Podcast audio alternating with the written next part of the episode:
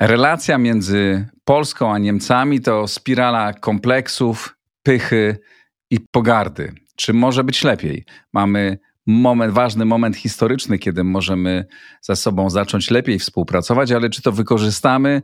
O tym za chwilę w moim cotygodniowym newsletterze mówionym który od niedawna pojawia się w układzie otwartym. Jest też wersja pisana newslettera. Serdecznie Państwa zapraszam do subskrypcji mojego newslettera. E, jeśli wejdziecie pod nagranie, e, tam jest link pod którym możecie się zapisać, aby otrzymywać moje teksty e, regularnie, wcześniej niż tutaj wersji mówionej. One często są podobne, a czasami trochę się różnią.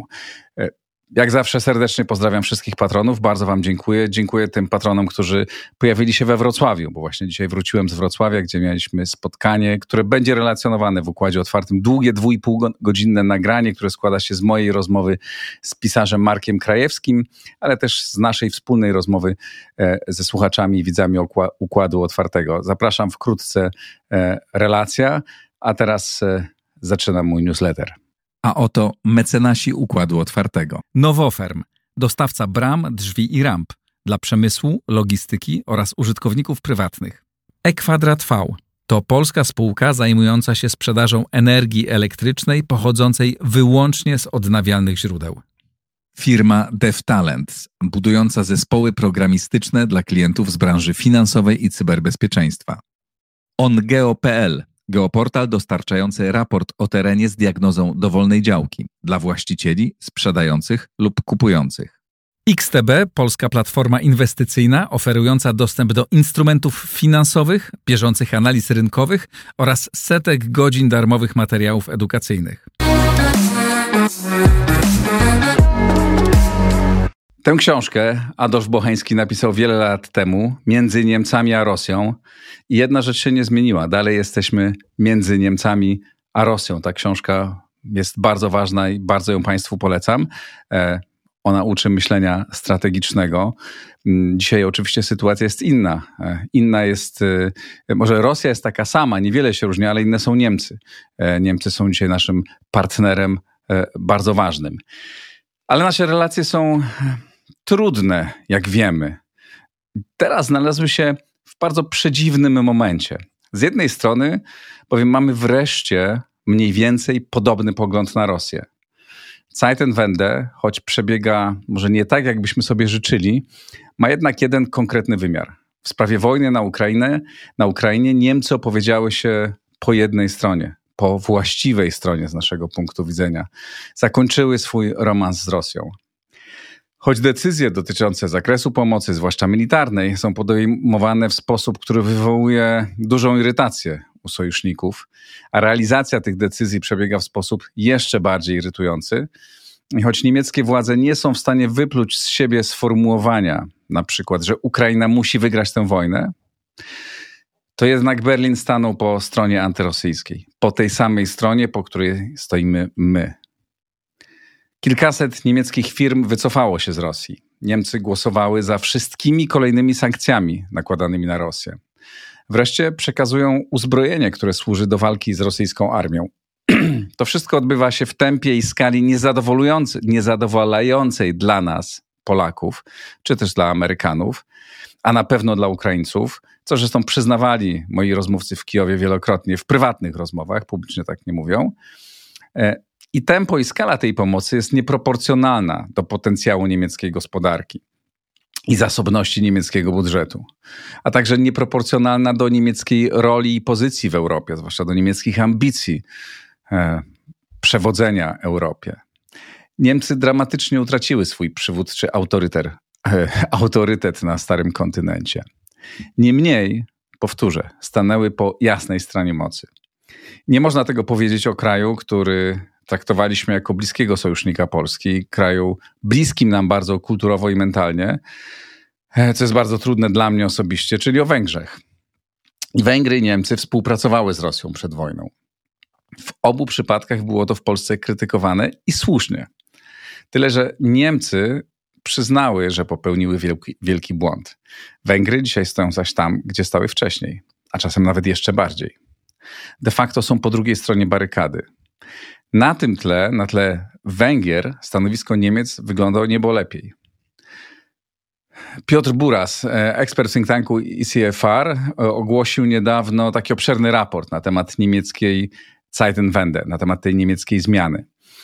E, Buras uważa, że w ostatnim czasie w niemieckiej polityce i w życiu politycznym zaszły realne, prawdziwe zmiany uważa, że doszło do rzeczywistego przełomu w niemieckiej polityce, największego od dziesięcioleci. E, twierdzi też on, że ta zmiana jest dobra dla Polski. I właśnie ta zmiana tworzy możliwość dla polepszenia relacji polsko-niemieckich.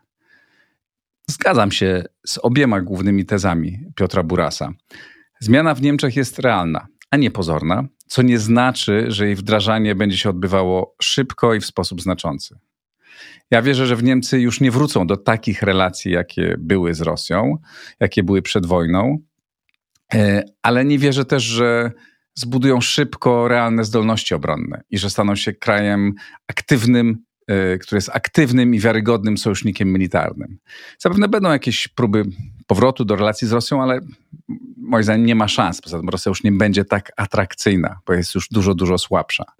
Niemniej e, Niemcy nie będą liderem, jeśli chodzi o obronność w Europie. To nie w Niemczech będzie centrum grawitacji nowej architektury bezpieczeństwa na starym kontynencie. Niemniej powtórzę, w dramatycznym konflikcie, jaki wstrząsnął światem w lutym 2022 roku, nasz zachodni sąsiad stanął po tej samej stronie, po której stoimy my. I to jest bardzo ważne. Niemieckie elity przyznały już wielokrotnie, że to Polska i inne kraje Europy Środkowej miały rację w ocenie polityki rosyjskiej. I elity i niemiecka opinia publiczna doceniły bardzo rolę Polski we wsparciu Ukrainy, zarówno tym militarnym, jak i co w Niemczech szczególnie ważne, humanitarnym. Postrzeganie Polski zmienia się w Niemczech. Polska, jak to określił jeden e, z moich rozmówców w Układzie Otwartym, Mateusz Falkowski, zaskoczyła Niemców. I to jest bardzo ważny czynnik, tworzący nową przestrzeń do innej polskiej, niemieckiej rozmowy. No jest i drugi czynnik, bardzo ważny. Współpraca gospodarcza. Osiąga ona poziom niewyobrażalny. Wymiana handlowa między Polską a Niemcami jest dziś na poziomie przewyższającym prawie wszystkie państwa europejskie, poza Francją i Holandią. A w przypadku Holandii dane o wysokości tej współpracy nie oddają rzeczywistości. E, ponieważ liczona jest wartość towarów docierających z różnych części świata do Niemiec za pośrednictwem potężnych holenderskich portów. Co fałszuje e, trochę ten, mm, e, ten wynik, bo on nie mówi tylko o współpracy z Holandią, tylko z całym światem częściowo z Holandią. De facto więc Polska jest drugim partnerem handlowym Niemiec w Europie. A nie jest wykluczone, że niedługo stanie się pierwszym. Jesteśmy więc wzajemnie bardzo mocno od siebie uzależnieni gospodarczo. Niemieckie elity nie do końca są jeszcze tego świadome. Wymiana handlowa z Rosją była jeszcze przed wojną kilkukrotnie mniejsza niż z Polską. I ta wiedza zdawała się nie docierać do niemieckich elit. A teraz handel z Rosją jeszcze się zmniejszył wielokrotnie, a z Polską ciągle wzrasta. Ta dysproporcja jest już bardzo duża i pewnie będzie coraz większa. Polska nabiera więc wagi te stopniowe zmiany w zwiększaniu polskiej wagi polskiej gospodarki też natrafiły na jednocześnie wzrost roli geopolitycznej Polski w związku z wojną na Ukrainie. Zakładając, że nasze olbrzymie inwestycje w obronność staną się wkrótce faktem, ta waga zwiększy się jeszcze bardziej. Oczywiście, też nie przesadzajmy w postrzeganiu siebie zbyt mocnym. Nie jesteśmy jeszcze żadnym imperium i nie staniemy się imperium, jak czasem można przeczytać u niektórych moich znajomych publicystów ale jednak stajemy się poważnym graczem. Ciągle gospodarczo, ludnościowo i politycznie słabszym niż Niemcy, ale jednak dużo poważniejszym niż 10 czy 15 lat temu. Potencjały obu państw powoli się do siebie zbliżają. Oczywiście różnica ciągle jest i pozostanie przez jakiś czas, aczkolwiek pewnie będzie się zmniejszać. Oba te czynniki, i gospodarcze, i stosunku do Rosji, zwiększenia roli Polski w relacjach z USA i pozycja nasza w NATO sprawiają, że nastaje dobry moment, nastaje takie okno możliwości, by zbudować normalne, partnerskie, zbalansowane, intensywne relacje między dwoma ważnymi sąsiadami. Czy tak się stanie? No właśnie. Obawiam się, że nie. W każdym razie nie w krótkiej perspektywie. Dlaczego? Powody są dwa. Pierwszy to nastawienie polskiego obozu władzy, a drugi to nastawienie niemieckiego obozu władzy. I szerzej niemieckich elit, które z powodów dość irracjonalnych nie są dziś do tego zdolne. Polska prawica walczy o utrzymanie władzy w najbliższych wyborach. Jak wiadomo, w Polsce to w postrzeganiu elit politycznych walka na śmierć i życie bo przetrwają albo nie. O wyniku wyborów może zadecydować każdy głos. Każdy głos może zadecydować o tym, czy obecna ekipa przetrwa władzę, więc wykorzystuje każdą możliwość, żeby zdobyć trochę więcej głosów. A dziadek z Wehrmachtu, czy w ogóle wątek antyniemiecki w narracji wyborczej ciągle działa, jak się okazuje. Może na niezbyt dużej grupie wyborców, ale ciągle działa. Więc w moim przekonaniu nie ma szans na to, by przed wyborami PiS zmienił swoją retorykę. E, która jest już publicznie antyniemiecka. To już nie tylko państwowa TVP, która powtarza setki razy twarze, twarz Donalda Tuska powtarzającą frazę Für Deutschland. Teraz już publiczne potępienie pojawia się dość regularnie, publiczne potępienie Niemiec pojawia się dość regularnie w wypowiedziach czołowych polityków obozu rządzącego. Po części można to zrozumieć. Traktowany z nieznośną wyższością przez niemieckie elity polskiej prawicy trudno wyzbyć się dziś poczucia satysfakcji, że to my mieliśmy rację. I trudno nie manifestować tego publicznie, zwłaszcza swoim wyborcom. To nie jest dobre, ale zrozumiałe. Nie usprawiedliwiam tego, ale analizuję. Politycy PiS czują dziś, że to się podoba części ich elektoratu, a przede wszystkim mają przekonanie, że podoba się to ich prezesowi, który może zdecydować o ich losie. Stąd tych głosów jest sporo. Pozostanie. Niemiecki obóz władzy, który przez lata w oficjalnych wypowiedziach był bardziej strzemięźliwy, a swój pogardliwy stosunek do Polski, zwłaszcza jej konserwatywnej części, wyrażał za pośrednictwem osób trzecich, czyli jakichś publicznych osób, dziennikarzy, ale nie było to przypadkowe. Teraz już politycy reprezentujący wprost władzę pozwalają sobie na ostrą krytykę Polski, nawet ustami swojego ambasadora w Warszawie, czego mieliśmy ostatnio przykłady. Niemcy od lat prowadzili bardzo specyficzną pozycję wobec, po, prowadziły bardzo specyficzną politykę wobec partnerów w Polsce. Od lat 90. właśnie wybierali sobie partnera po polskiej stronie. Wybierali sobie partnera, z którym chcą rozmawiać. Przez lata były to środowiska, umownie upraszczając, związane z Gazetą Wyborczą i dawną Unią Demokratyczną, a potem częścią Platformy Obywatelskiej. Nawet 8 lat rządów prawicy tego nie zmieniły polska prawica czy środowiska konserwatywne były i są omijane przez niemieckie elity tak bardzo, jak to jest możliwe. Niewiedza, niezrozumienie tej konserwatywnej części Polski w Berlinie jest ogromne. Tak było przez lata i tak jest dziś.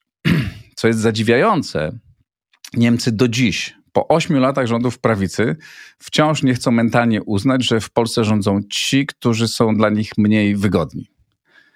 E, w środowiskach niemieckich elit i politycznych, i politycznych, i doradczych dziś słychać jedno. I to sam słyszałem na własne uszy i słyszałem też relacje od osób, które e, rozmawiają z rozmaitymi przedstawicielami obozu niemieckiego obozu władzy.